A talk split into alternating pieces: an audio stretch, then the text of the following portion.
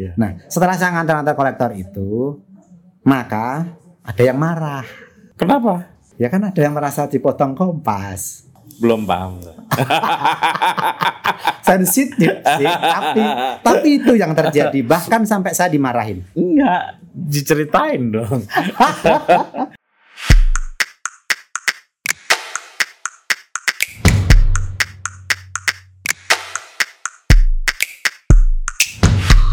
Halo, ketemu lagi dengan saya Putut EA, Kepala Suku Mojo.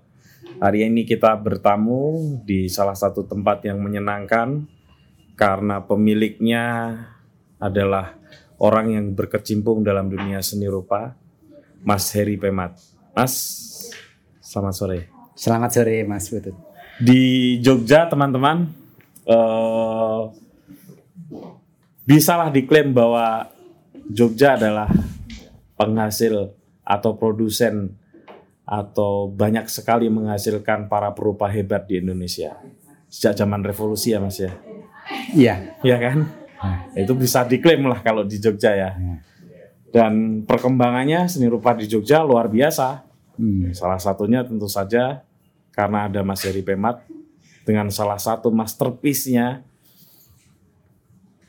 Arjok. Iya. Yang konon Arjok ini kalau di Helat sedang di apa ya sedang ada acara Arjok monggo Mas. Penerbangan penuh. Hotel penuh. Ya Kafe penuh. kafe penuh hotel penuh penerbangan penuh. Bukan hanya penerbangan dalam negeri tapi juga luar Ya. negeri ya Mas ya Malaysia Singapura Oleh-oleh laris, oleh-oleh laris seniman laris.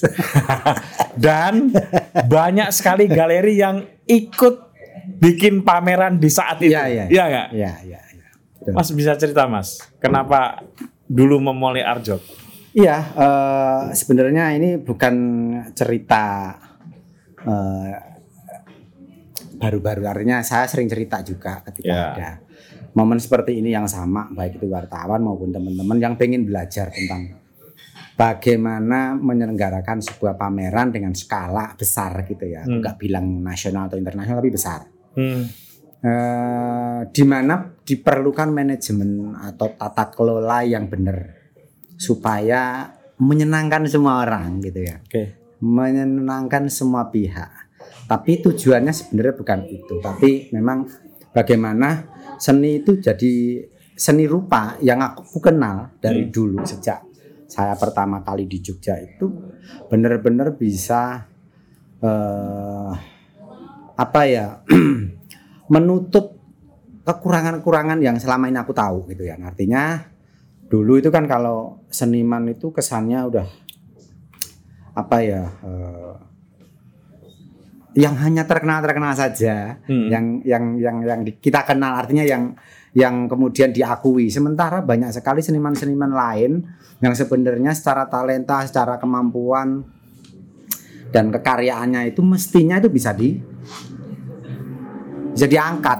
Cuma masalah kesempatan hanya karena logo terkenal dan tidak terkenal itu kemudian tidak merata. Artinya tidak membawa suara seni rupa itu untuk Jogja pada khususnya. Ya. Hanya orang-orang itu itu saja. Hmm. Oh kalau seni si Jogja Avandi kalau seniman tuh Hmm. eh, selain Avandi orang nyaris tidak begitu mengenal apalagi Sujoyono orang awam nggak kenal Hmm. ya kan? Ya. Nah, saya tidak bermaksud kemudian untuk memperkenalkan atau menambah eh, eh, pengetahuan terhadap orang awam tentang maestro-maestro kita, akan tetapi saya ingin memulai dari sekarang seniman-seniman muda yang mestinya dari muda udah dikenal, Oke. dari muda udah dicatat prestasinya Hmm. oleh masyarakat Jogja khususnya ya, Ah. syukur yang ada Indonesia dan dunia. Hmm. Maka kemudian semangat itu saya saya bawa kepada misi waktu itu karena saya pernah menjadi seniman muda pada saat itu menjadi pelukis. Pernah ya? Oh, pernah, saya pernah. Tapi gagal. Bukan karena gagal. Oh. Saya tekankan di sini memang ada suara Heri Pemat itu kemudian berbelok menjadi manajer artis atau manajemen seni Hmm. itu karena gagal menjadi pelukis. Tidak. Hmm. Sampai hari ini saya akan menyangkal itu karena apa?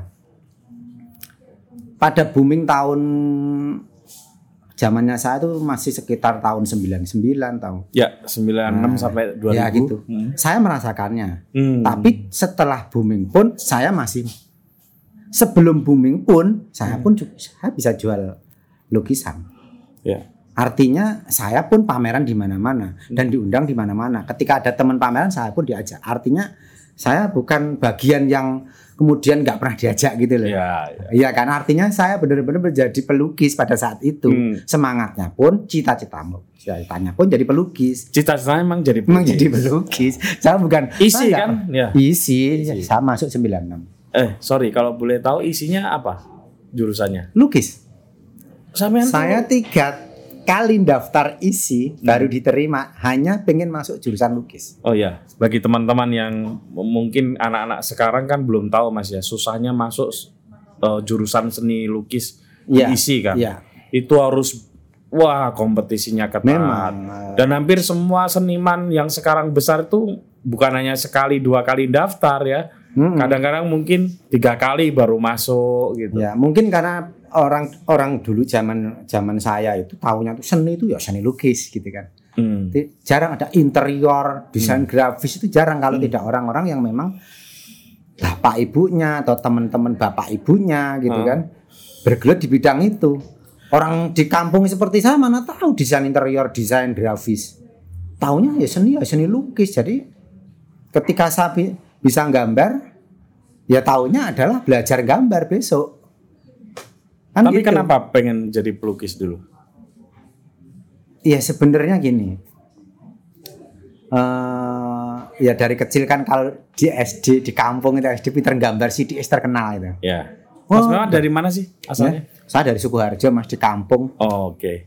di kamp eh, jauh dari kota, jauh dari istilah seniman itu enggak ada. Adanya adalah tukang gambar. Tukang gambar. gitu. Iya. Kalau jualan gambar nenteng lukisan mubeng kampung itu. Dan Nah. itu memang ada di kampungku. Iya, iya, iya. Dan ya begitu kehidupannya ya memang serba susah gitu kan. Artinya Tapi tahu serba susah kenapa pengen jadi pelukis? eh, ketika saya sudah SMA sedikit lah naik tentang Oh. tahu Avandi gitu kan, Mhm. tahu Raden Saleh, Hmm. tahu seniman lain lah yang kemudian eh, ada di surat kabar misalnya atau di TV. Hmm. Jadi pelukis kemudian wah kok bisa ya gitu.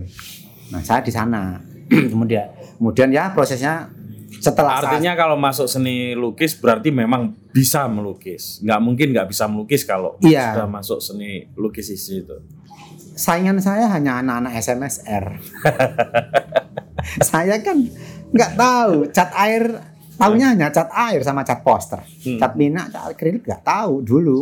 Sehingga ketika gambar, sket saja nggak tahu. Hmm. Gambar bentuk saya juga nggak tahu. Makanya perlu tiga kali saya untuk masuk isi. Oke. Gelandang dulu di Malioboro 2 tahun. Hmm. kemudian ngenger di salah satu pengusaha dan sekaligus jadi dosen Hmm. yang pekerjanya rata-rata juga mahasiswa dan saya bisa belajar di situ Iya. baru diterima Oke. tiga tahun kemudian Hmm. nah setelah masuk saya pun tetap nggak lulus gitu, Rapopo, jadi rapopo, tapi sukses. eh, prinsipnya se- memang saya pamit sengaja bukan nggak lulus itu do nggak Ya. gimana mau do orang satu nggak punya alamat jadi nggak nggak satu nggak terima saya nggak terima surat do jadi saya nggak merasa do tapi saya memang pamit sama Pak Aming pada saat itu bahwa saya Pak berhubung ilmunya udah habis saya mengundurkan diri Ilmunya udah selesai ya. nah, sekarang tinggal TA Oke. kalau TA waktu saya ngelukis terakhir pelajaran ngelukis terakhir saya sudah kayak TA merasanya seperti itu Hmm. ya oh, udah udah besar besar lukisannya kayak gitu gitu nah dalam hal ini saya ingin menegaskan bahwa saya sebenarnya bukan pelukis yang gagal Bukan pelukis gagal. kesadaran akan apa ya akan eh, kondisi pada saat itu. Tahun 90 90-an ya. Hmm. saya kan memang di kampus sama teman-teman memang rajin eh, tergolong rajin menjadi panitia gitu pameran. Itu didasari atas keingintahuan saya bagaimana membuat pameran yang baik. Oke. prosesnya tuh dari seperti apa? Seperti eh, ketika di kampus itu kan beda. Ketika di luar seperti apa? Jadi memang dorongan kuatnya adalah pengen belajar bahasa kerennya tuh manajemen, Ya. ya kan? Padahal saya mana tahu manajemen. Manajemen itu ngerti gue malah urusannya duit tok. gitu. Hmm. Ternyata setelah saya masuk tahun 2000 tahun 2001 persis eh, persis pada saat saya setelah KKN saya udah istilahnya fokus pengen belajar eh, pengen pengen merintis lah pengen merintis manajemen seni bahasa kerennya sekarang Hmm. pada saat itu pengen merintis belajar bener untuk membuat pameran yang bagus ideal sesuai kebutuhan seniman pada saat itu Hmm. nek pameran ini piye toh Hmm. katalognya sing apik, undangan sing apik, settingnya sing apik atau eh, cara menjualnya yang bagus itu seperti apa? Hmm. Karena apa? Kar- Selama mahasiswa saya belajar itu ya, nih karyaku selesai pajang, begitu lihat pamerannya, duh kok saya nggak pernah merasa puas dengan displaynya, Oh, iya. saya tidak merasa puas dengan acaranya, Hmm. termasuk lightingnya gitu tuh kayaknya nggak pernah dipikir gitu oleh Hmm. penyelenggara gitu. Hmm. Itu yang kemudian menjadi ke- kegelisahan saya. Hmm. Kenapa saya menjadi seperti ini? Oke. Satu lagi, kegelisahan saya itu di wilayah seniman itu sendiri. Jadi dulu itu kalau menjual karya Hmm. Itu tergantung sopo koncone. Oke. Nek koncone iki iso nyedaki kanca-kancane yang terkenal gitu ya. Teman-teman yang eh, cipratan kolektornya gitu loh. Iya. Jadi kenal kolektornya. Hmm. Terus jadi tahu. Hmm. Terus iso jual gitu kan. Kalau enggak pinter ngomong. Pinter bicara bagaimana saya bisa mempresentasikan saya dan lukisan saya atau saya dan karya saya. Hmm. Biasanya itu bisa jualan. Hmm. Lah kalau seniman-seniman yang anteng gelenggem lukisannya juga bagus apa enggak ya terserah. Seniman Bagaimana ka- seniman menjualnya? kamar lah ya. Iya. Hanya di studio. Nah gitu. studio kadang-kadang jarang bergaul padahal karyanya bagus. Bagus. Itu siapa yang akan membawa menyuarakan? Hmm. Ya kalau teman-temannya mampu membuat pameran atau teman-temannya kebetulan punya akses untuk bisa ke galeri, bisa ke seniman terkenal atau kolektor tertentu. Hmm. Lah kalau enggak, Ya. selamanya dia akan menjadi pelukis yang kemudian eh, mengandalkan apa Rekan. hoki, Oke. iya kan? Jadi sebelum Arjok, eh, Mas Heri itu ini menyelenggarakan acara-acara pameran dulu. Iya, Wak. iya. eh, sebenarnya bukan menyelenggarakan, lebih tepatnya saya itu membantu banyak orang, Oke. banyak seniman, Hmm. galeri, Hmm. institusi Hmm. untuk mem- me- apa eh, menyelenggarakan pameran. Saya pertama mendaftarkan diri sebagai penyebar undangan Hmm. atau kurir undangan Hmm. ataupun poster. Itu pertama kali dan dengan sangat sadar saya memulai dengan itu. Sama ini ya almarhum tukang becak itu berarti kenal ya? Yo kenal baik. Pak siapa itu? Eh, iya becak pakai becak kan. Iya, iya. Aduh kok saya lupa maaf ya. Iya, yang sudah meninggal Saya- dunia itu. Hmm, eh, aduh kok lupa sih. Itu terkenal banget tukang Iya. undangan. Tapi tuh. waktu itu saya tidak begitu enggak saya, saya tidak begitu terinspirasi oleh beliau, tapi Ya. dia me- melaksanakan itu duluan memang. Iya. Tapi ketika ada teman-teman, udah ini saya yang yang nganter-nganter. Tujuan saya apa? Apa coba? Saya pengen kenal dengan semua seniman di Jogja. Padahal kan anak isi, mestinya ya kenal semua. Enggak juga. Enggak ya? gimana? Kenalnya gimana? Hmm. Kalau kenal-kenal tahu iya. Tapi kalau kenal belum tentu. Oke. Anak muda. Ya, ya. Saya juga saya juga eh, kalau bisa kenal pasti harus punya mentalitas pura-pura akrab, sok akrab gitu kan. Tapi seniman kan rata-rata nggak punya. Lulu gue gue. Kalau aku ada yang kenalin oke gitu kan. Kebetulan ada akses, alasan apa oke kenal tahu. Kalau enggak seniman banyak tapi belum tentu saling mengenal. Iya. Apalagi yang senior Hanya tahu ya. Apalagi yang senior ya. Iya. Saya mau masuk rumahnya Nasirun itu dulu itu minggring-minggring saya. Harus ada ininya, Iya. Oh, oh, kan apa alasannya ke Eh. situ? Kalau dolan tuh enggak. Kalau orang enggak seniman muda pada saat itu punya mental yang saya pengen belajar, nah, gitu gitu. Padahal seniman Enggak, jarang sekali. Oke. Iya kan? Heeh. Nah, Termasuk ini ya kalau nggak salah ikut jual majalah seni rupa. Di sini banyak sekali sisanya.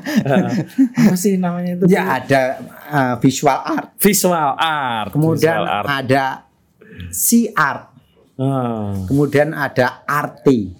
Ya, arti Itu saya distributor. distributornya. itu yang dipakai memang alat untuk kenal seniman. Sebenarnya itu kan belakangan. Hmm. Itu agak agak agak naik pangkat dikit lah menjadi loper majalah. Sebelumnya hanya kurir undangan Kurir saya. undangan ya. Satu undangan 500 rupiah.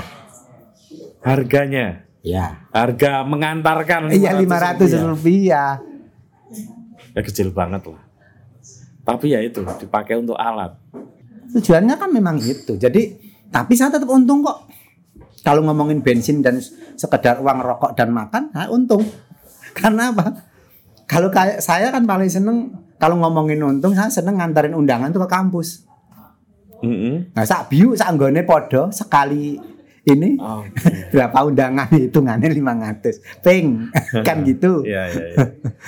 Nah, apa yang terjadi ketika saya mengantar undangan itu?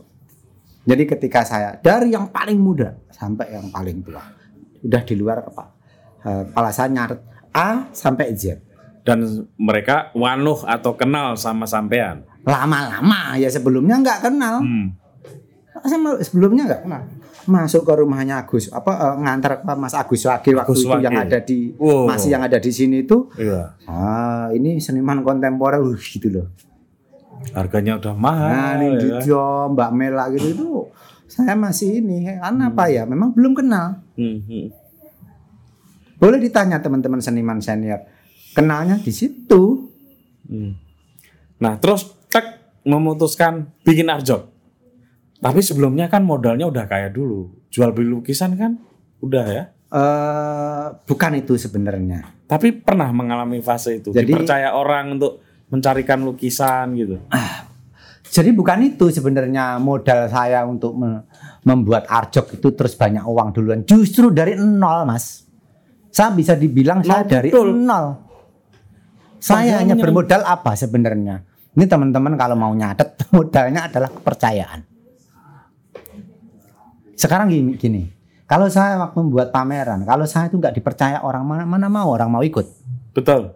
Sekarang saya mau minta duit kepada sponsor dalam hal ini kolektor. Ya. Kalau kolektornya nggak percaya sama saya, Hah. mana mau ngasih duit? Nah, gimana tuh mendapatkan kepercayaan itu? Ya, ketika saya itu pengalaman jaga pameran, Oke. Iya kan? Heeh. Nganter karya, Hmm. kan gitu. Nganter mereka jalan-jalan Hmm. ke rumah-rumah seniman. Oh. Yang saya dapatkan dari pengalaman mengantar undangan. Ya. Jadi dari seniman muda sampai tua saya kadang-kadang mereka juga nyeleneh. Dari kamu tahu seniman muda yang prospek gitu kan. Saya punya pengalaman estetika, pengalaman lukis. Hmm. Jadi saya paling tidak saya tidak bermaksud mewakili selera saya, tapi saya tid- setidaknya secara umum lu seniman yang bagus atau karyanya yang bagus itu siapa sih? Lo ngomongin anak muda. Hmm. Ya saya tahu semua. Tuh. Ah, tebakan saya 90% benar. Sampai hari ini saya sudah terbukti sebenarnya. Ini seniman ini, seniman ini, seniman ini pasti akan jadi seniman. Hmm. Berarti sampean juga sekaligus memperhatikan ya. Makanya itu itu berkah dari mengantar undangan. Berapa tahun dari sejak tahun 2000. 2001 sampai tahun sem- 2007 saya masih nganter. Lama banget, Bro. Ya gimana? Saya nggak hafal. Hafal banget. Sampai pindahnya ke mana? Pantesan tahun ini cerita lain ya. Tahun 2008 saya pas wawancara Bunga Jeruk, Mbak Bunga Jeruk. Ada kebetulan Dokter Hongjin di situ. Hmm. Dia nerima telepon entah dari siapa gitu. Terus ke- suara beliau kan keras ya. Hmm. Itu saya dengar tuh. Orang yang paling tahu lukisan di Jogja ini ya Eri Pemat. Mungkin karena itu. Iya. Makanya memang itu sekarang gini mas, kalau waktu ngantar undangan, saya kan nggak mungkin Pak dapat undangan, pulang enggak. Saya dapat rokok gratis, dapat rokok kopi gratis, bahkan makan gratis. Nah udan seneng mas. Jadi suwi. Hmm, hmm. Jadi lama aku ngobrol sama dia. Hmm. Bahkan lama kelamaan aku diminta bantuin ini itu oleh seniman. Oke. Sampai mencarikan referensi oke. Sehingga muncullah ide saya harus menjadi manajer seniman. Hmm. Jadi dulu saya punya seniman muda banyak. Oh, jadi Kalau seniman tua artis manajemen ya. Saya pertama yang kemudian Hmm. melamar, saya duluan yang lamar. Hmm. Saya kalau dilamar saya nggak mau.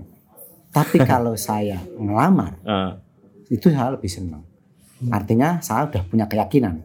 Tapi kalau seniman ngelamar itu memang ada. Tapi biasanya saya hanya membatasi waktu karena kamu udah jadi ngapain? Hmm. Saya dari nol seniman-seniman ini. Kamu teknisnya bagus, cara pandangmu bagus. Ya kan? Pandangan-pandanganmu ke depan bagus, ide-idemu bagus. Dan kan gini, kalau seniman itu punya ciri khas, ini jadi seniman nih. Hmm. Ada keanehan-keanehan. Hmm. Yang ini khas seniman gitu. Hmm. Apa misalnya? Ya keanehan kan bisa macam-macam. Misalnya yang nyeleneh nggak ada hubungannya sama seni misalnya. Hmm. Berhubungan dengan sikap, berhubungan dengan kebiasaan ya sehari-hari. Cara pandang kadang-kadang nyeleneh. Nah, oh seniman banget kan gitu. Bisa kebayang kan? Hmm. Apa ya? Kenapa dia pilih itu enggak ini? Kenapa dia, dia sikapnya gitu kok aneh? Misalnya ketemu orang, "Mbak, masa- masa- nah gitu. Itu menurut aku dia punya itu kelebihan bukan kekurangan. Ya. Nah, gitu. Nah, itulah kemudian, nah saya ngelamar misalnya, kamu lukisannya bagus. Ketika aku ngobrol, ya sayangnya kamu itu mungkin eh, kan ada yang karakternya bosi gitu loh, Oke. apa apa nyuruh gitu. Ah. Wah ini perlu ini, karena pasti dia kalau nggak dibantu, dia tidak akan jadi apa-apa misalnya, Oke. atau akan lebih lambat. Hmm. Saya melihat peluang itu. Aku ngelamar kamu ya. Ye, gitu. masih muda, anak muda, jauh dari saya. Hmm. Makanya kemudian saya minta fotomu, minta fotomu ini ini, ini tak kumpulin, tak ajukan ke galeri. Eh galeri, aku punya seniman-seniman muda. Oh seniman muda ini susah, belum belum ganti gaya, belum belum harus minta modal ini, nggak mau nggak mau. Dah, Terus kalau menghadapi kayak gitu biasanya ya sudah. Saya hanya berdebat, tapi tidak berusaha memaksa tidak berdebat bahwa seniman muda itu gini. Hmm. Tapi saya tidak berusaha memaksa. Oke ya, nggak mau ya, tapi aku mau berdebat. Aku mau diskusi. Hmm. Kenapa saya mendaftarkan? Kenapa seniman muda Indonesia gitu? Kamu sama sa- apa kamu banding-bandingkan dengan seniman muda yang ada di Cina misalnya. Kamu ngomong profesional, profesionalnya lain. Di sini itu yang namanya seniman bangun siang kemudian terlambat apa apa itu biasa. Tapi buat saya itu profesional, profesional sebagai seniman. Kalau kamu eh, lebih memuji-muji seniman eh, di Beijing misalnya atau di Cina sana, mereka tertib kerja ke kan apa ke studio kayak kerja kantoran gitu-gitu selesai tepat waktu Hmm. mau berhitung dan secara profesional di sini beda gitu loh Hmm. Saya juga nggak mau, gitu. profesionalnya seperti apa itu kalau bangun siang yang terlambat? harus profesional adalah manajernya Oh. bagaimana saya deal dengan klien oke kamu mau memamerkan seniman ini berarti saya mempunyai ancang-ancang yang benar Iya, iya. Iya kasarnya gini. Kalau kamu pamerannya tanggal 10 ya kamu harus kasih tanggal agak longgar supaya nanti kalau mundur-mundur Hmm. itu tetap aman gitu. Hmm. Itu contoh kecil aja. Kalau mau dikupas banyak memang. Berarti Saya bisa menjadi pawangnya mereka Iya. untuk me- tetap meyakinkan kepada klien misalnya galeri atau institusi yang ingin buat pameran itu tetap berlangsung aman. Kalaupun susah yang susah saya bukan klien. Dan sejauh ini sejauh ini lancar-lancar saja. Lancar-lancar saja. Artinya ya benar, berarti eh, itu persoalan manajemen ya. Persoalan bagaimana kita itu mengenal seniman dan karyanya. Hmm. Untuk mengelolanya begitu ya kurang lebih. Jadi sebenarnya yang penting buat saya itu seniman kalau nggak bisa sendiri ajaklah angkatlah teman Anda atau siapa bahkan istri Anda jadi manajer. Hitung-hitungannya, pembagian tugasnya silakan diatur. Hmm. Karena Anda yang paling tahu kebutuhan Anda gitu misalnya gitu. Oke. Kalau Anda nggak mampu, Hmm. jangan mencoba sendiri. Ya. Jangan jangan kemudian apa-apa sendiri. Hmm. Pasti beda. Dan itu menghabiskan energi ya. Menghabiskan energi dan tugas sebagai seniman itu sendiri. Hmm. Sebenarnya bagaimana Berkarya. bisa me- ber- apa mengaplikasikan idenya ke dalam sebuah karya Hmm. itu bisa maksimal. Ya. Bagi tugas lah. Ketika saya melamar seniman juga begitu. Eh, oke harga misalnya Hmm. sekian dirembuk. Naik turunnya sekian, ayo gitu. Bahkan saya harus mencarikan referensi. Ketika kita me- di- masuk pemikirannya dia, saya akan menjadi orang nomor dua. Mau memperkuat Hmm. atau menambahkan tanpa harus ada rasa merendahkan gitu Ya. hati-hati karena kita ngomong sama seniman ya benar harus hati-hati kan kalau kita udah mengenal kan kita tahu celahnya di mana Hmm. oh kamu jangan sekali-kali ngomong begini atau bersikap begini nanti tersinggung walaupun nggak keluar tapi paling pasti dia akan merasakan itu jadi ke- di situlah mengantarkan undangan saya jadi mengenal kapan seniman berkarya, kapan seniman tidur, kapan seniman mabuk, kapan seniman olahraga, kapan seniman untuk waktunya olahraga apa eh, keluarga Hmm. kalau mereka olahraga Sekaligus tahu bagaimana mereka berproses. Ya. tahu persis semakin sering main kan kita jadi sering menjadi pengamat gitu Ya. dan aku di waktu itu menjadi sumber pertanyaan sesama seniman eh seniman itu ngapain Hmm. Pusat informasi berjalan. jadi Iya, itu kan? menarik di situlah saya juga mengenal sikap-sikap dan sifat-sifat seniman oh ini nggak cocok sama itu oke berarti ya nanti satu saat ya janganlah gitu misalnya. Nanti nggak tersinggung gitu kan. Ngomongnya juga pasti oh ini yang itu pernah diyangi eh jangan sampai ngomongin yang gitu kan. Iya kan? Iya, iya, iya. jadi udah tahu semua. Sampai ya itu seniman yang paling sepuh pada saat itu Rusli oh saya itu senang sekali dengan Pak Rusli Lian Sahar misalnya. Hmm. Mana tahu anak-anak se- sekarang dengan Liang Sahar Hmm. seniman besar. Rusli itu seniman besar. Terus tadi kok dengan modal nol gimana tuh ceritanya? Kemudian Ketika berani. saya sudah dipercaya oleh merasa dipercaya oleh Hmm. seniman, teman saya itu banyak. Ya kan? Kan mantu pameran macam-macam dari yang sifatnya kayak FKY, ada Biennale, Biennale, ada ya. ya kan, Hmm, ada pameran apa, lomba apa Hmm. dari pemerintah apa, pasar seni gitu kan. Terus jadi akrab, jadi percaya sama kerja saya. Oh motret mesti bagaimana, di situlah prosesnya. Ya. Ketika saya mau, saya menyimpulkan saja bahwa yang dibutuhkan itu apa sebenarnya. Setelah sekian tahun saya eh, melihat dunia seni sampai sedetail-detailnya, Hmm. dunia seni rupa ya artinya, Iya. sedetail-detailnya seperti apa, yang dibutuhkan apa. Di situ saya memutuskan. Hmm. Tapi itu tetap proses. Ceritanya panjang mas sebenarnya. Hmm. Ketika kenapa saya harus membuat arjok atau waktu itu Jogja Art Fair ya Jogja Art Fair dulu ya. pertama. Mm-mm. Kan semangatnya adalah kan gini. Ketika saya menjadi penjaga pameran, saya kenal kolektor ini, pemilik galeri ini, adiler ini gitu kan. Seniman ini, makelar dan lain-lain itu semua kenal. Saya antar mereka Hmm. termasuk kolektor.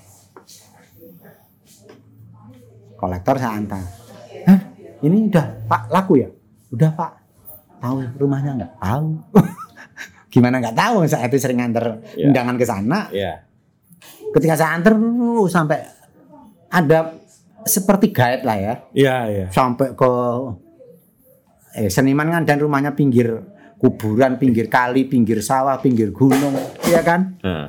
Tahu saya, bahkan pindah. Saya tahu. Coba kalau diposkan nggak akan nyampe itu kartu apa ala apa namanya undangan Hmm. saya. Maka istilahnya kalau ada pameran pematkan saja undangannya kan gitu.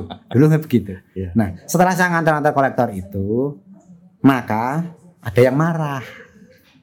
Ah. Ya dong. Kenapa? Ya kan ada yang merasa dipotong kompas. Belum paham.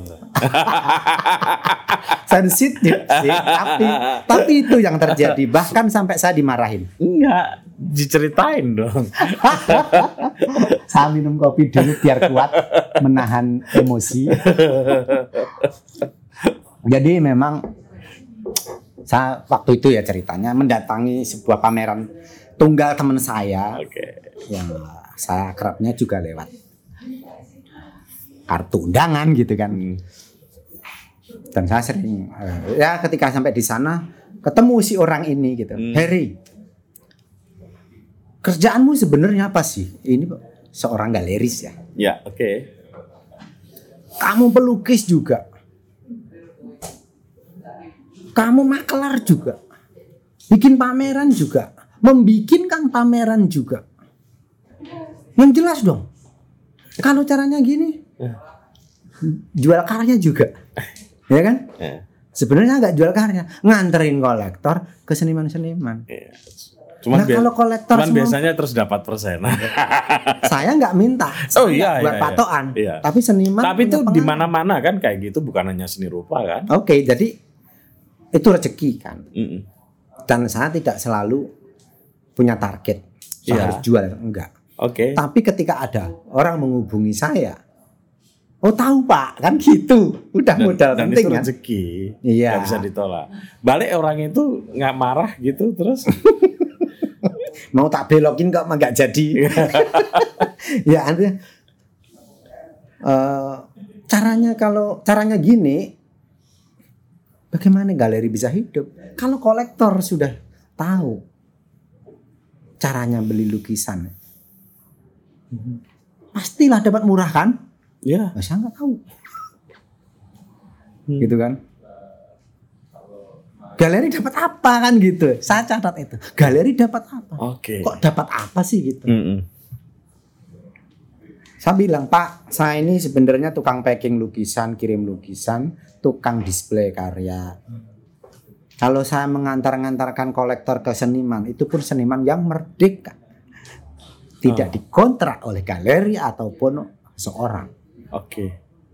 Kalaupun iya saya mengantarkan ke seniman itu yang sudah dapat eh, kerjasama kontrak Hmm. dengan seorang galeris misalnya, Mm. saya akan telepon dulu, boleh apa enggak?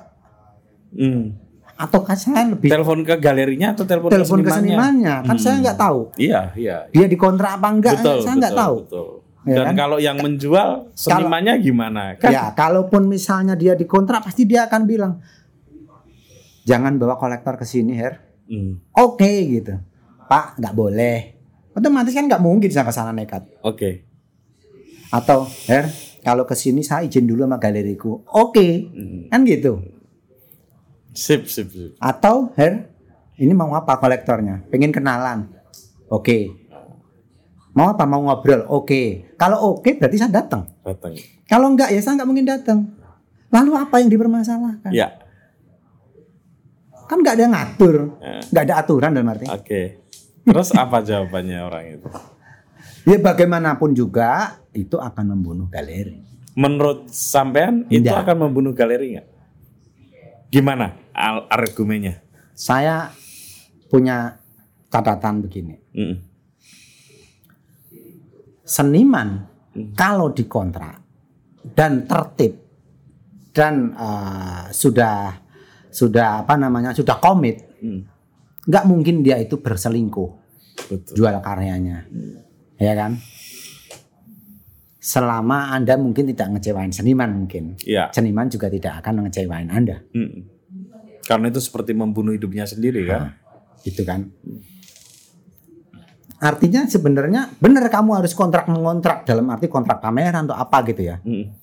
Oke itu benar untuk melindungi eh, kerja seniman supaya ini akan selesai tepat waktu dan lancar gitu kan. Yes. Dan kemudian proses marketingnya jalan gitu kan. Iya. Tapi kalau seniman yang kalau saya nggak ajak ke seniman itu mana tahu kolektor. Bagaimana ini seniman? Kak, kan bapak hanya ngontrak berapa seniman sih? Ya saya kan datengin orang-orang ini yang nggak ada kontrak. Mm. Lalu apa masalahnya? Berarti kamu membantah ya? Membantah. Tetapi saya dalam hal ini tidak serta kemudian ya deh saya nggak nganter lagi. Hmm. Tidak serta merta begitu. Hmm. Tetapi saya punya tapi memang kemudian eh, saya memang waktu itu begini. Oke. Mungkin benar juga. Ada benernya juga. Hmm. Kalau kemudian kolektor semua menelpon saya bahkan balai lelang ya, Hmm. Balai lelang sama datang ke rumah. Gimana nggak deg-degan? Deg-degannya dapat duit apa enggak ini? Ya pasti dapat duit dong. Lu enggak mas, Masa- ma- masalahnya saya dapat duit apa enggak itu senimannya gitu loh. Iya. iya. Seniman dapat duit apa enggak? lah kalau enggak artinya dia juga bisa jatuh kan pengalaman saya cuma begitu. Benar sih. Ya kan? Nah, saya berpikir wah, mungkin ada benarnya ketika semua kolektor ngubungin saya, terus kemudian galeri eh, kehilangan peluang juga. Hmm. Walaupun itu sebenarnya sangat-sangat eh, sulit dijelaskan. Iya bisa diperdebatkan lah. Bisa itu. gitu. Hmm. Tapi aku oke, oke, oke gitu. Oke, saya saat itu tahun 2008 saya berhenti mengantarkan seni kolektor-kolektor ke seniman. Putusan yang cukup berani.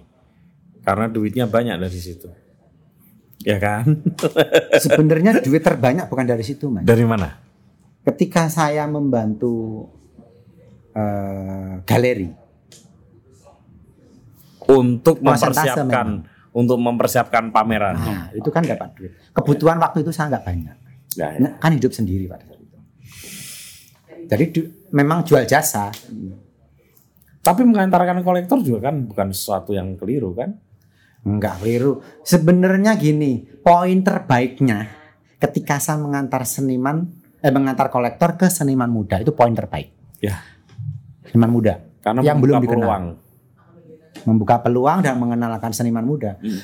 Banyak sekali kolektor yang meminta diantarkan oleh saya itu nggak tahu eh, saya harus beli siapa Hmm. Pada saat itu. Ya. Sebenarnya Jadi bisa bisa, galeri. mem- bisa memasukkan nama lah ya. Ya. Bisa mengusulkan Iya, nama. Ini Pak termasuk bagus. galeri Hmm. yang mau buat pameran. Hmm. Her, aku mau pameran seniman muda siapa ya kira-kira? Loh, lah kuratornya siapa? Hmm. Belum. Saya pengen punya nama dulu, baru saya ajukan ke, ke kurator. Kebalik bu, Hmm. kurator dulu enggak. Sebenarnya banyak sekali galeri yang sudah punya nama, baru ngomong cocoknya kuratornya siapa. Hmm. Nah, kuratornya ini nanya ke siapa? Ke seniman-seniman ini. Kalau aku membuat pameran, kamu, kamu, kamu, kamu, kuratornya siapa? Itu yang terjadi. Iya, iya, iya.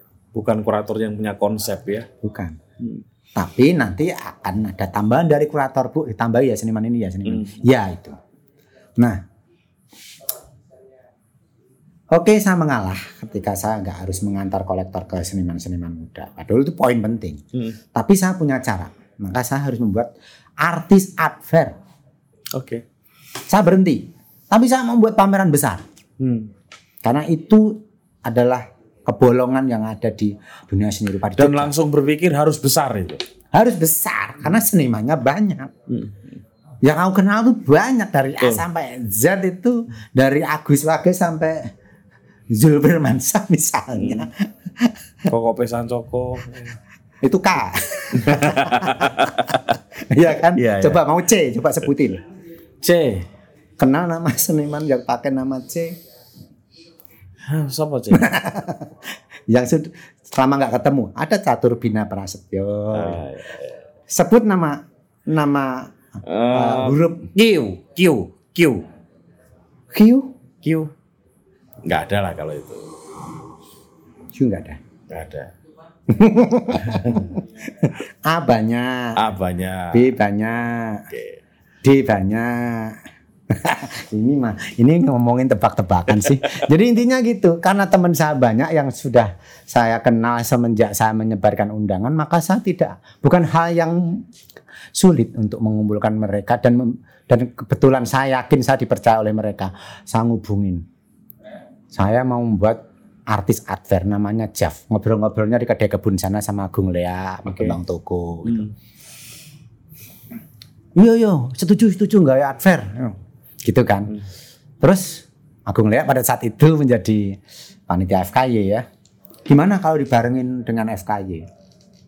Nah ini kan aku ideku sendiri, Hmm. mau mau buat tanah sendiri. Hmm. Ya nanti setelah itu aja. tuh. Yang penting ini eh, bantu aku lah untuk eh, mengubah bazar art menjadi itu, menjadi eh, pameran yang lebih keren. Gitu. Oke, Jogja Art Fair lahir sama FKI. Saya Tahun ngomong-ngomong, 2007 2007. Itu tahun 2007 harusnya. Saya udah ngubungi seniman, eh aku mau bikin Jogja Art Fair. Siap, siap, siap, siap. Banyak banget yang pengen ikut dan aku bisa pilih-pilih. Enggak misalnya, tapi intinya nggak ada kurasi ya, semuanya boleh ikut. Pada itu, saya punya strategi untuk membuat pameran besar. Yang pertama tanpa kurasi.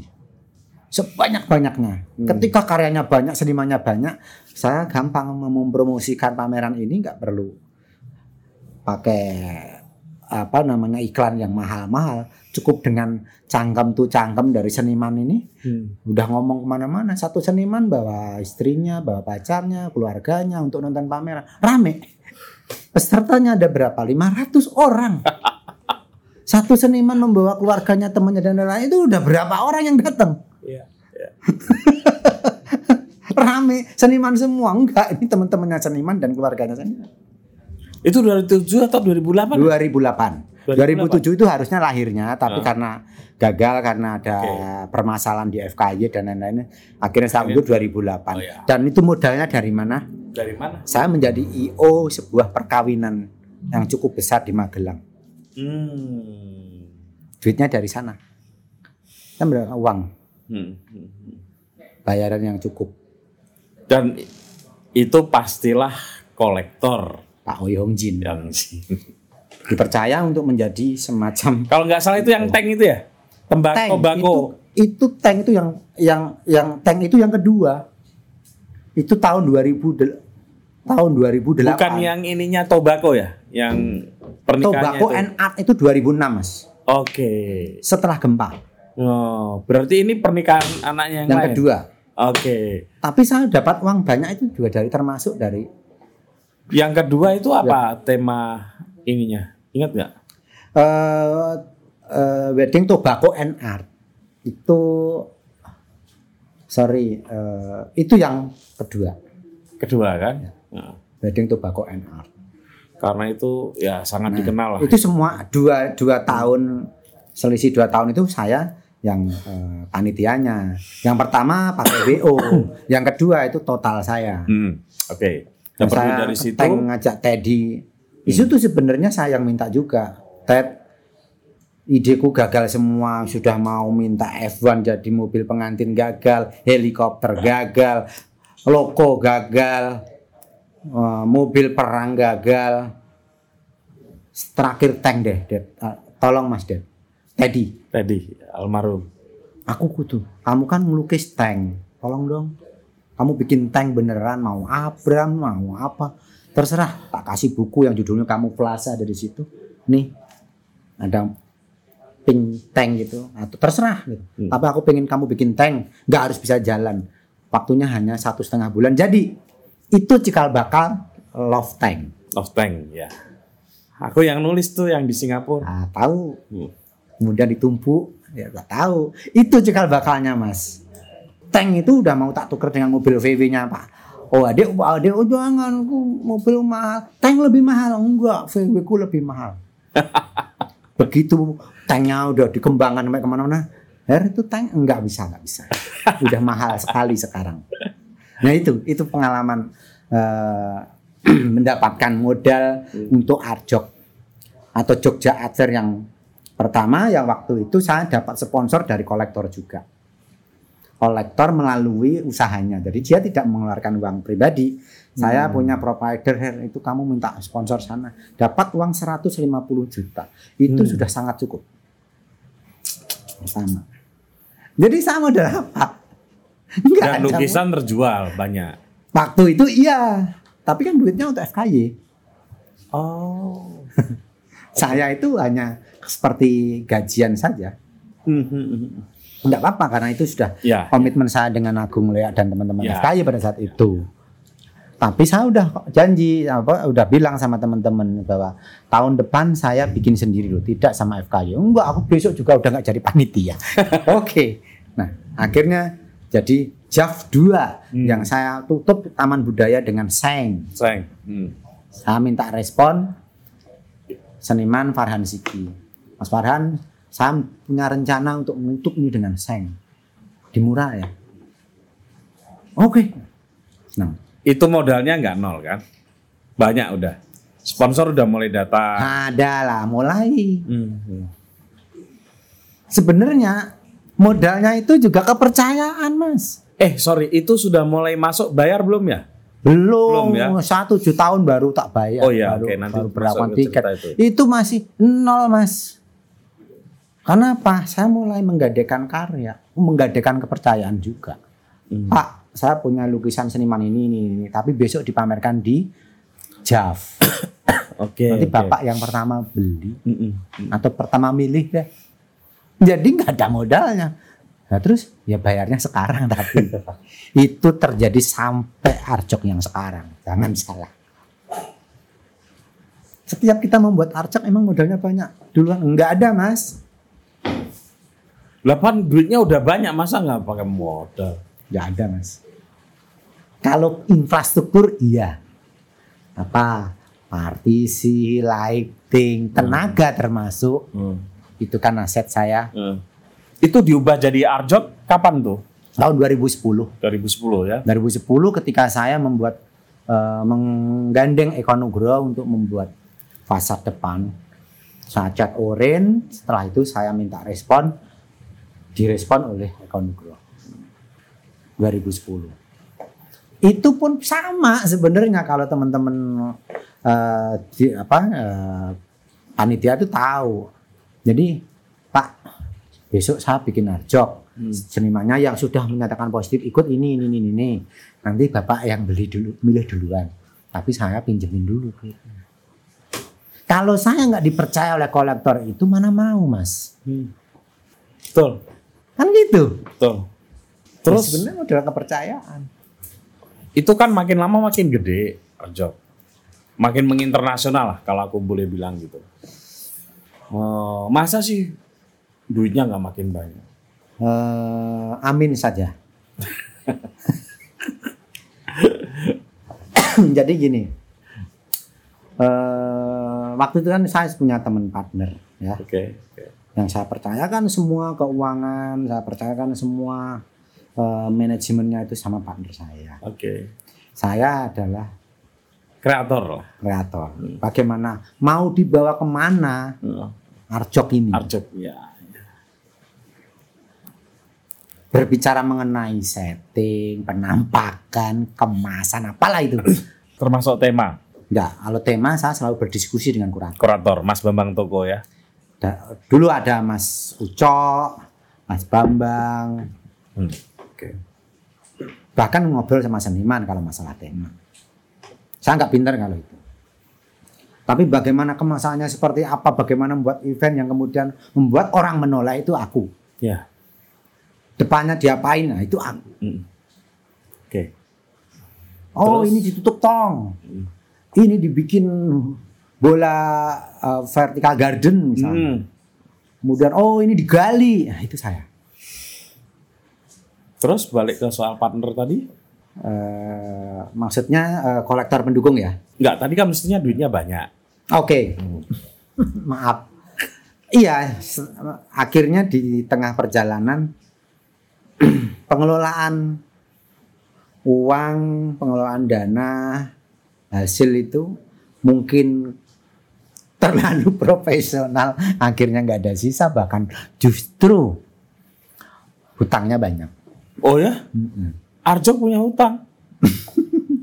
Saya kira itu semua orang tahu. Oh, Anda nggak tahu? Nggak tahu. Yang saya tahu Pemat, Heri Pemat adalah orang yang paling hebat karena menyelenggarakan Arjok dengan skala internasional. Kalau itu sih ya aku paham kan kalau Arjok biasanya aku masih sering main ke galeri-galeri di sekitar sini kan pada bikin acara-acara juga untuk menanggok para Iya, iya. Ya Pengunjung. sebenarnya itu mungkin lebih tepatnya pencitraannya iya. Untuk membangun kepercayaan mungkin dari visual juga iya ya. saya membangun apa membangun kantor ini emang saya punya duit enggak itu kepercayaan mas karena apa dipancing Her, kamu itu mestinya punya kantor eh, nggak numpang depan itu kan saya numpang dulu numpang seniman. Kantornya tuh hanya sa- hanya laptop. Itu kantor saya. Ke mana-mana kantor saya ada di mana-mana tapi hanya laptop. Hmm. data seniman data karya harga daftar harga di situ semua. Itu kantor saya. Tapi tempat saya di rumah depan itu. Oke. Tapi ngomong-ngomong utang udah lunas kan? Belum warisan beberapa tahun yang lalu Iya. sampai sekarang Oke. Tapi oke, kita lupakan soal Dan utang piutang. sekali Hah? banyak sekali. banyak sekali Kok iso? itu pun aku bisa utang karena apa karena kepercayaan Iya iya iya. oke. kepercayaan saya bisa membayar cicilan Hmm. atau membayar bunga lah nggak ada jaminan Ya orang kan taunya orang seperti saya nih misalnya. Sponsor dapat. Persentase jual beli lukisan dapat dong pasti. Iya kan? Belum lagi tiket. Waduh. Arjok tiketnya walaupun 50.000 ribu ya, tapi kali berapa? terbanyak saya buka di sini saya mendapatkan uang dari tiket itu 3 m Tiket aja 3M. tapi berapa modal pameran saya Berapa, Mas? pasti di atas 7 m Oke. secara konkret kalau dihitung semua modalnya ada 12,6 m karena saya nggak menghitung partisi saya saya nggak menghitung lampu Iya, saya iya. Maksudnya kan itu itu. itu dihitung kan kalau dihitung rata-rata setiap penyelenggaraan arjok 12 Tapi keren itu justru menunjukkan bahwa Arjok memang keren. nah iya kan? Ya pameran 12M kan keren.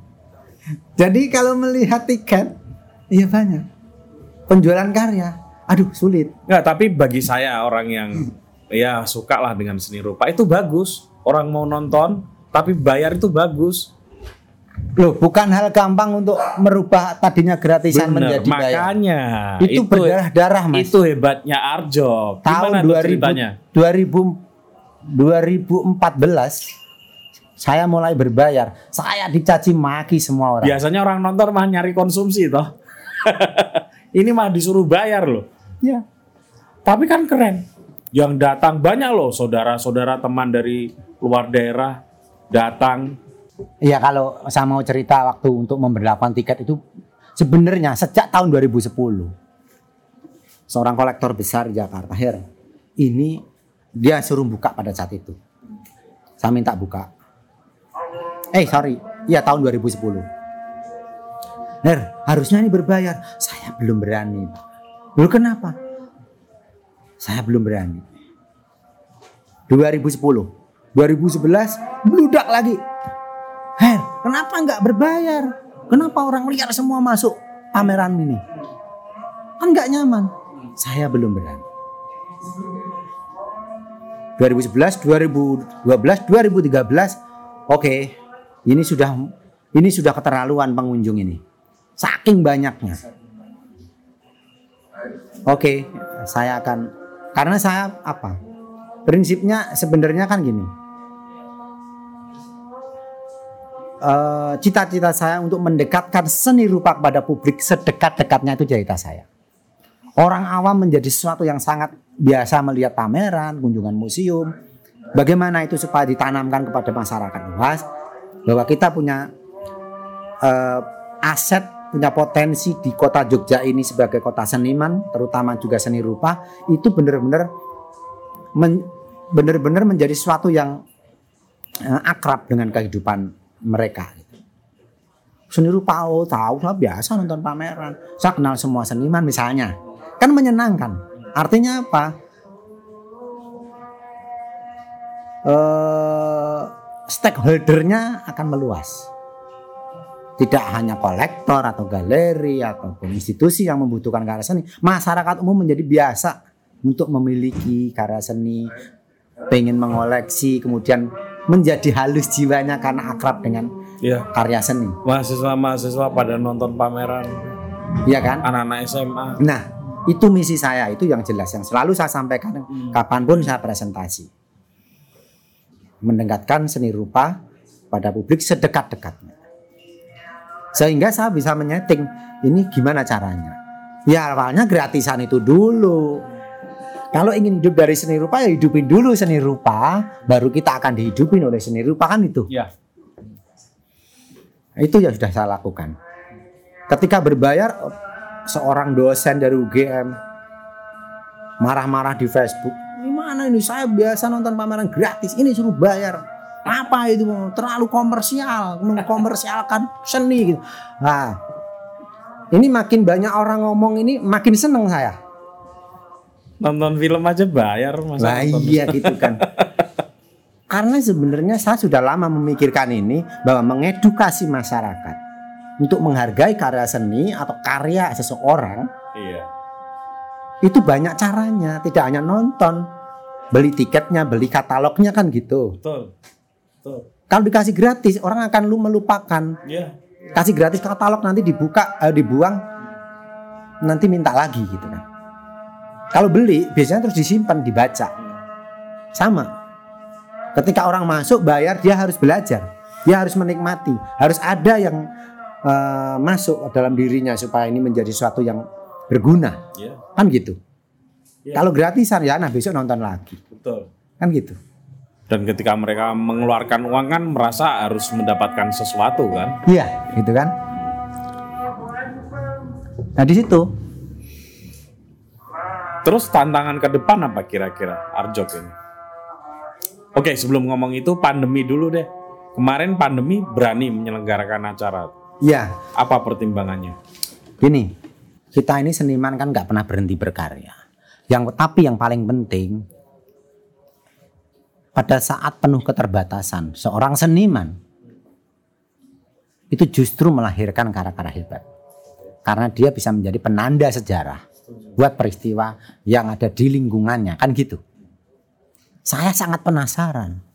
Tapi itu saya harus mulai dari diri saya sendiri. Ketika ada banyak sekali keterbatasan. Saya mau ngapain? Lah kalau pelukis tinggal ngelukis. Lah kalau saya penyelenggara pameran saya ngapain? Ya saya harus buat pameran. Pameran seperti apa? Ya aku harus mikir di situ. Maka kemudian saya beranikan ngomong pada semua teman-teman penyelenggara festival. Kebetulan saya ketua Jogja Festival. Yang ngomong, yuk ngayal bersama. Yum, pakai Zoom di sini. Buat proposal, bawa ke mana proposalnya? Buat dulu.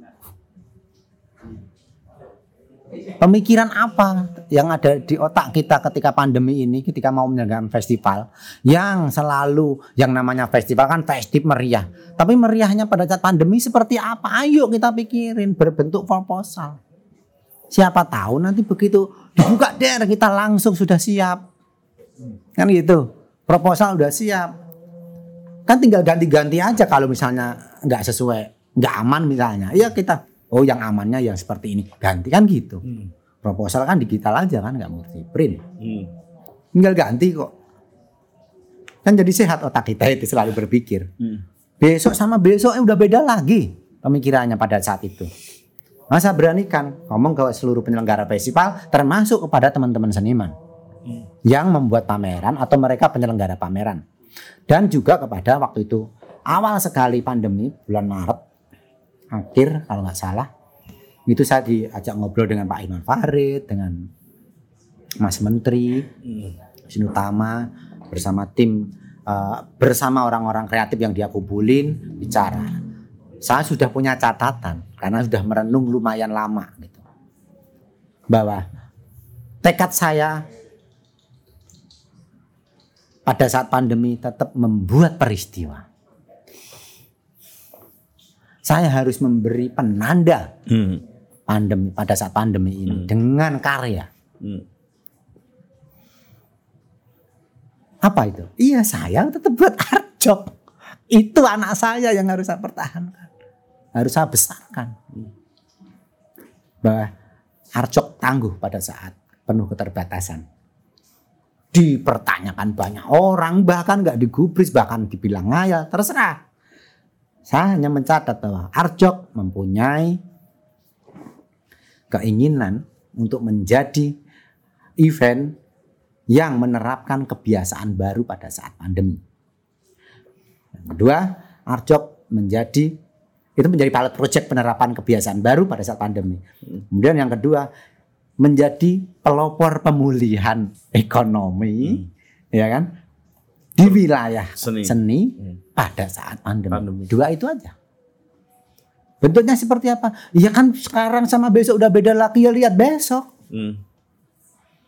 Saya ngotot sama teman-teman eh, yang Dan akhirnya tetap berhasil ya. jangankan orang lain ya orang yang ada di kantor ini pun mempertanyakan kayaknya nggak sanggup nggak mungkin bahaya itu memberikan apa peluang orang untuk mati dan lain-lain saya pikir nggak juga kan kita kan menyesuaikan kebiasaan barunya apa itu yang harus kita pegang Enggak. nggak boleh fisik oke berarti online tapi onlinenya seperti apa kita godok terus ternyata nggak bisa online kalau online itu pameran animasi kali Iya. kita itu bukan orang ah, pinter-pinter amat membuat pameran digital yang canggih gitu Hmm. udah kalah lah sama dan itu udah biasa kayaknya dari kemarin-kemarin sebelum pandemi Hmm. udah banyak pameran Banyak, online iya. Oke. apakah gitu mau- kita mau niru itu kan enggak? Kita harus membuat sesuatu yang baru atau yang sesuai dengan yang kita punya. Saya kemudian saya tetap harus ada fisiknya. Hmm. pameran itu kerja laki ngebor masang ngangkat junjung gitu kan. Display lah gitu. Harus gitu. Semangatnya apa? Supaya yang lain-lain juga kerja. Supaya nggak diem aja nunggu virus datang. Kerja gitu jadi tukang display laku tukang angkut-angkut laku kan gitu tukang figura juga laku tukang cat juga laku semua kerja Itu akhirnya temanya digeser ya. Ya karena kan Kalau mesti- awalnya kan mestinya memang yang 2020 time to wonder. Itu tema yang harusnya Time to 2020. wonder ya. Time to wonder itu tema tahun 2020. 2020. Wah sebenarnya tuh pas banget Pas. Hmm. dengan kondisi. Tapi nggak mungkin karena nih karya-karya yang sudah digagas oleh teman-teman seniman Hmm. itu adalah karya-karya yang harus melibatkan orang, misalnya interaktif, Hmm, hmm. ya kan? Wah nggak mungkin dong kalau nggak ada yang nonton cuma segelintir orang nggak nggak jalan ini. Hmm. gitu kan ya sudah itu disimpan aja sekarang adalah arcok tanggap darurat Temanya kemarin tanggap darurat. Enggak, resilient Resilience kan? Hmm. Eh, itu hasil ngobrol-ngobrol dengan Iya, iya. pada saat teman-teman yang ada di kantor ini nggak yakin akan adanya arcok pada saat pandemi saya telepon dengan kurator Mas Agung Hujat Nika Jenong Hmm. Mas eh, saya tetap membuat pameran gini-gini pokoknya harus buat mau di branding ini sebagai Arjok emergency response, Arjok kemudian ini semangatnya adalah untuk charity, apalah gitu. Tapi Iya. harus ada. Harus ada. Karena apa? Satu gelisahnya. Ini sekian bulan ini seniman ada ngapain? Jangan-jangan ini lahir karya-karya hebat. Betul. Karena apa? Ya seniman pandemi atau enggak pandemi, mereka tetap kerjaan ada di studionya masing-masing, enggak keluyuran kan dengan profesi lain kan beda. Hmm. Tapi barangkali dengan adanya hiruk pikuk tentang pandemi ini, seniman ini lebih lebih tenang dalam berpikir. Dan ternyata memang menghasilkan banyak karya hebat di Resilience kan? Nah, bilang belum. Belum ya? ya karena memang seniman ya oke manusia biasa yang mempunyai rasa ketakutan hanya mikir terus karyanya masih aja karya biasa dalam arti karya yang sebelum pandemi mikirannya. Oke. Jarang sekali yang saya harapkan sih dia berpikir tentang pandemi itu seperti apa. Ke- penuh keterbatasan tuh dia menciptakan karya seperti apa yang ju- gila sekalipun atau jenius atau apa mau menyumbangkan pemikiran terhadap pemerintah misalnya Hmm. untuk me- membuat ide untuk menyelamatkan banyak orang misalnya. Tapi karyanya banyak yang laku. Itu itu bisa saya ceritakan. Nah, Jadi harapan saya muncul karya-karya hebat pada saat pandemi dan saya presentasikan di Arjok Resilient itu tidak tercapai. Arti- muncul artinya perupa masih berpikir lazimnya pameran biasa. pameran biasa. Tapi Pandemi belum memang satu dua ini, ada, ya. satu dua itu ada muncul kara-kara yang kemudian ber eh, temanya atau dia menyuarakan tentang keterbatasan, Oke. ketekanan, Iya. rasa takut ada. Hmm. Tapi yang kemarin muncul banyak karya yang karya-karya sebelum pandemi. Hmm. Ya memang mungkin karena orang panik sampai nggak berkarya juga ada, tapi punya karya bagus. Ya. Oke, presentasikan di Arjo. Yang saya takutkan, eh saya bukan takut ya. Kan udah diperkirakan. Nah ini nanti kalau Arjok masa pandemi yang orang semua berpikir masker, berpikir jaga jarak, jangan-jangan ngomongin itu aja. Hmm. Ya ada. Akhirnya masker, banyak masker pamer. Ya kan bukan itu yang kita minta. Iya, iya, iya. Pemikiran apa? Iya. Itu yang belum muncul. Atau terobosan. Jadi saya apa? dalam hal ini bicara ini tidak mengejek seniman tidak, tapi Iya. saya memaklumi. Memang semua orang takut. Hmm. Itu. Saya pun berpikir ketika aduh saya nggak punya sponsor sama sekali, gimana saya membuat fasad yang kemudian bagus? Hmm. Saya cari sponsor ke perusahaan besar. Saya buat desain. Oke, saya sponsorin karena cocok dengan misinya. Hmm. Saya buat masker raksasa yang menutup gedung Jogja National Museum. Iya.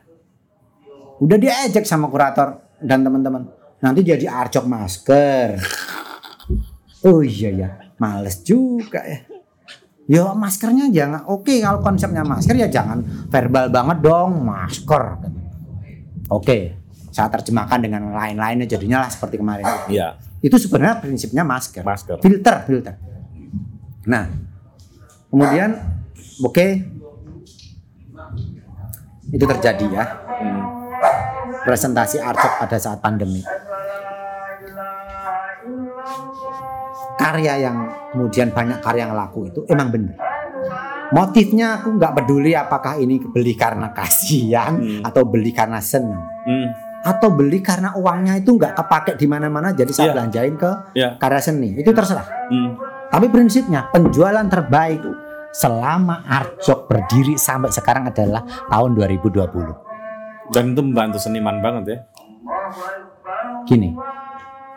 Memang bukan harga-harga yang mahal dan tinggi yang terjual. Iya. Memang ada yang tinggi. Tapi jumlahnya itu yang fantastis.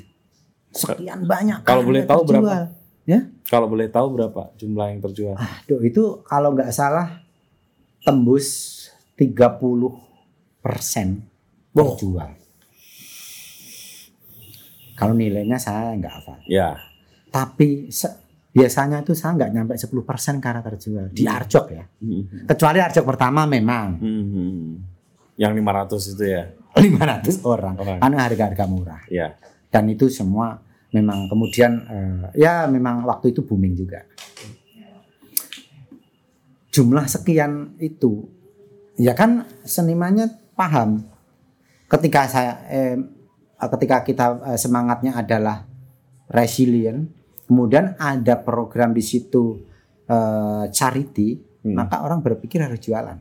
Oke. Maka kemudian ya harapan kita memang akan banyak karya lukisan. Hmm. Karena saya nggak punya biaya untuk memenuhi kebutuhan instalasimu atau Ya. karya tiga dimensimu yang ukuran besar. Oke. Maka kemudian orang langsung, oke, Arjok sekarang lukisan, aku buat lukisan. Ya. Seperti anda tahu kan, selama Arjok lukisannya ada berapa? Iya. Semua instalasi, Instalasi yang kebanyakan. sulit dijual kan. Lukisan cuma ada berapa? Nggak nyampe 10%. Makanya saya jualan tuh nggak nyampe 10% juga. Oke. Terakhir Mas, karena udah sejam lebih itu. Ya maaf. Nggak Aku apa-apa. banyak ngomong daripada kerja mas. Enggak. Time to Wonder mau dihelat tahun ini bulan Juli. Juli tahun dua eh, tahun 2021 ya Iya, tahun Juli. ini kan Ju- tanggal udah 8. dekat, dekat banget tanggal 8. Apa yang kira-kira akan di apa ya? eh, dipresentasikan ke publik. Saya berharap sebenarnya tema yang tertunda tahun lalu harusnya Time to Wonder. Art in Common Time to Wonder harusnya tahun lalu. Hmm. Padahal tuh momennya pas ngomongin Time to Wonder itu pandemi itu pas banget. Hmm. Tapi kan orang orang nggak cukup waktu untuk berpikir, Hmm. menyesuaikan kondisi. Hmm. Tahun ini dengan satu tahun masa pandemi sudah lewat, Hmm. harusnya seniman harapan besar saya Hmm. adalah berbicara tentang pandemi ini. Hmm. Ini harapan saya pribadi. Hmm. Kalau kurator mungkin bisa beda. Hmm. Jadi keinginan seniman men- menjadi penanda sejarah Hmm. itu sangat kuat. Ya. Pasti. Pada saat pandemi yang waktu itu kamu ngapain gitu Hmm. kan? Harus nggak harus diarjok sih Iya, perayaannya, bisa di event-event yang lain Hmm. atau karya yang tidak harus di event kan, tapi Ya. kamu harus membuat sesuatu. Teman saya mengambil kesempatan itu dengan adanya arjok masa pandemi yang tahun kedua ini muncul karya-karya Hmm. yang memang relevan dengan zamannya. Dan kira-kira ada nggak terobosan artistik dari para perupa? ketika Saya belum karena memang belum masuk. belum masuk. saya ya? belum bicara banyak dengan seniman karena gini ah, saya itu disibukkan dengan masih sulitnya mencari sponsor Eh para sponsor. Masa Arjok nggak mau nyponsor? emang sulit mas saya tuh memaklumi Hmm. pada saat sebelum pandemi aja sulit seni rupa emang menjual ya menjual blegernya memang iya Ya. tapi orang belum memahami Ya. saya menjadi sponsor mensupport menjadi pendukung gerakan seni rupa ini wilayahnya apa jadinya apa Ya. timbal baliknya gimana Betul. selama si pemilik Hmm. pabrik perusahaan atau bahkan pejabat government atas nama pemerintah tidak memiliki passion tidak memiliki kedalaman tentang atau pengetahuan tentang Hmm. seni dan budaya Ya. Maka kemudian tidak horny melihat pameran yang bagus gede gitu terus pengen Oh. terlibat di dalamnya enggak ya kan Ya. Ya. nah itu tugasnya apa supaya pejabat tahu seni budaya dan kemudian membuat program pem- atas dasar pemerintah dengan dana rakyat Hmm. kemudian ya Ya. kemudian untuk mensupport Hmm. gerakan seni dan budaya angkatannya itu Indonesia itu kan seni budayanya hebat gitu Oke. akar budayanya hebat Oke. tapi mana semangatnya harus dimulai dari siapa ya dari mereka dulu dong Ya. kalau kita ngomongin negara ya mereka dulu dong semangatnya buktiin jadi bikinlah mus bikinlah museum bikinlah pameran festival yang besar dengan kekuatan negara gitu Ah. jangan hanya ngomongin anggaran melulu tapi presentasinya begitu Oke. Tenang mas. kayaknya udah mulai gawat udah mulai di stop ini Enggak.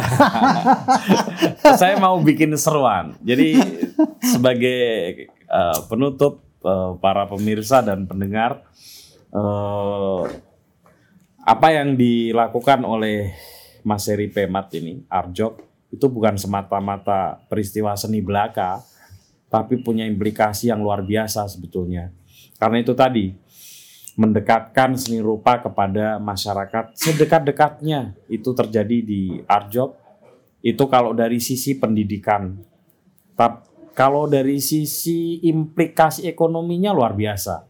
Seperti tadi saya bilang di mana Ar- kapan Arjok dihelat sebelum pandemi nih ya penerbangan penuh hotel-hotel penuh rumah makan penuh galeri-galeri penuh implikasi ekonominya itu luar biasa jalan dan seni rupa itu trickle down efeknya itu gede. Bayangin kalau perupa itu berkarya berarti ada perajin tukang spanram kanvas, orang tukang figura, ya. sampai para pengrajin karena kebanyakan juga karya kerajinan Ya. tiga dimensi, Ya. semua hidup ekonominya artisan juga dan jangan lupa Arjok ini sudah dikenal dunia internasional. Karena saya tahu persis bukan hanya orang-orang dari negara-negara dekat, dari negara-negara Eropa pun banyak yang datang kalau Arjok itu digelar. Jadi sebagai salah satu representasi kegiatan atau acara seni rupa yang paling penting di Indonesia. Oleh karena itu, bagi para orang-orang yang terpanggil untuk menyponsori para pejabat, silakan menghubungi Mas Heri Pemat. Asik. Sukses selalu ya Mas ya. Terima kasih banyak Mas. Mantap. ya.